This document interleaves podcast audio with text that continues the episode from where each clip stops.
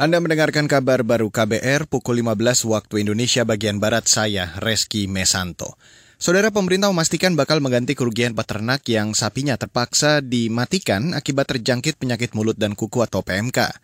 Hal itu disampaikan Menko Perekonomian Erlangga Tarto usai rapat bersama Presiden Joko Widodo hari ini.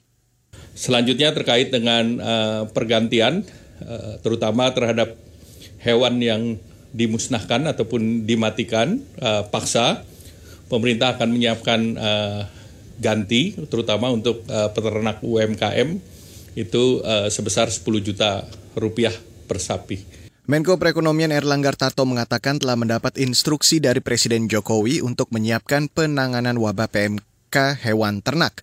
Saat ini pemerintah akan terus menyiapkan obat-obatan untuk hewan ternak yang terinfeksi PMK. Selain itu, jumlah vaksinator juga akan ditambah untuk menggenjot cakupan vaksinasi PMK. Jokowi telah menyepakati pengadaan vaksin PMK tahun ini sebanyak 29 juta dosis.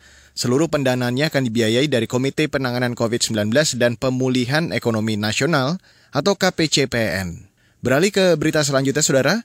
Badan Pemeriksa Keuangan atau BPK memberikan opini wajar dengan pengecualian atas laporan keuangan empat kementerian dan lembaga negara tahun 2021. Ketua BPK Isma Yatun mengatakan, pengecualian tersebut tidak berdampak material terhadap kewajaran laporan keuangan pemerintah pusat atau LKPP tahun lalu.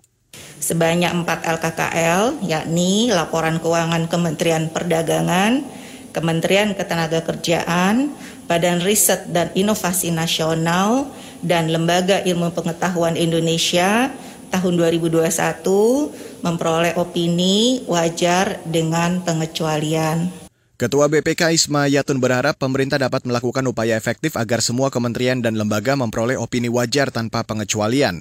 BPK memberikan opini WTP atas laporan keuangan terhadap 83 kementerian dan lembaga serta bendahara umum negara.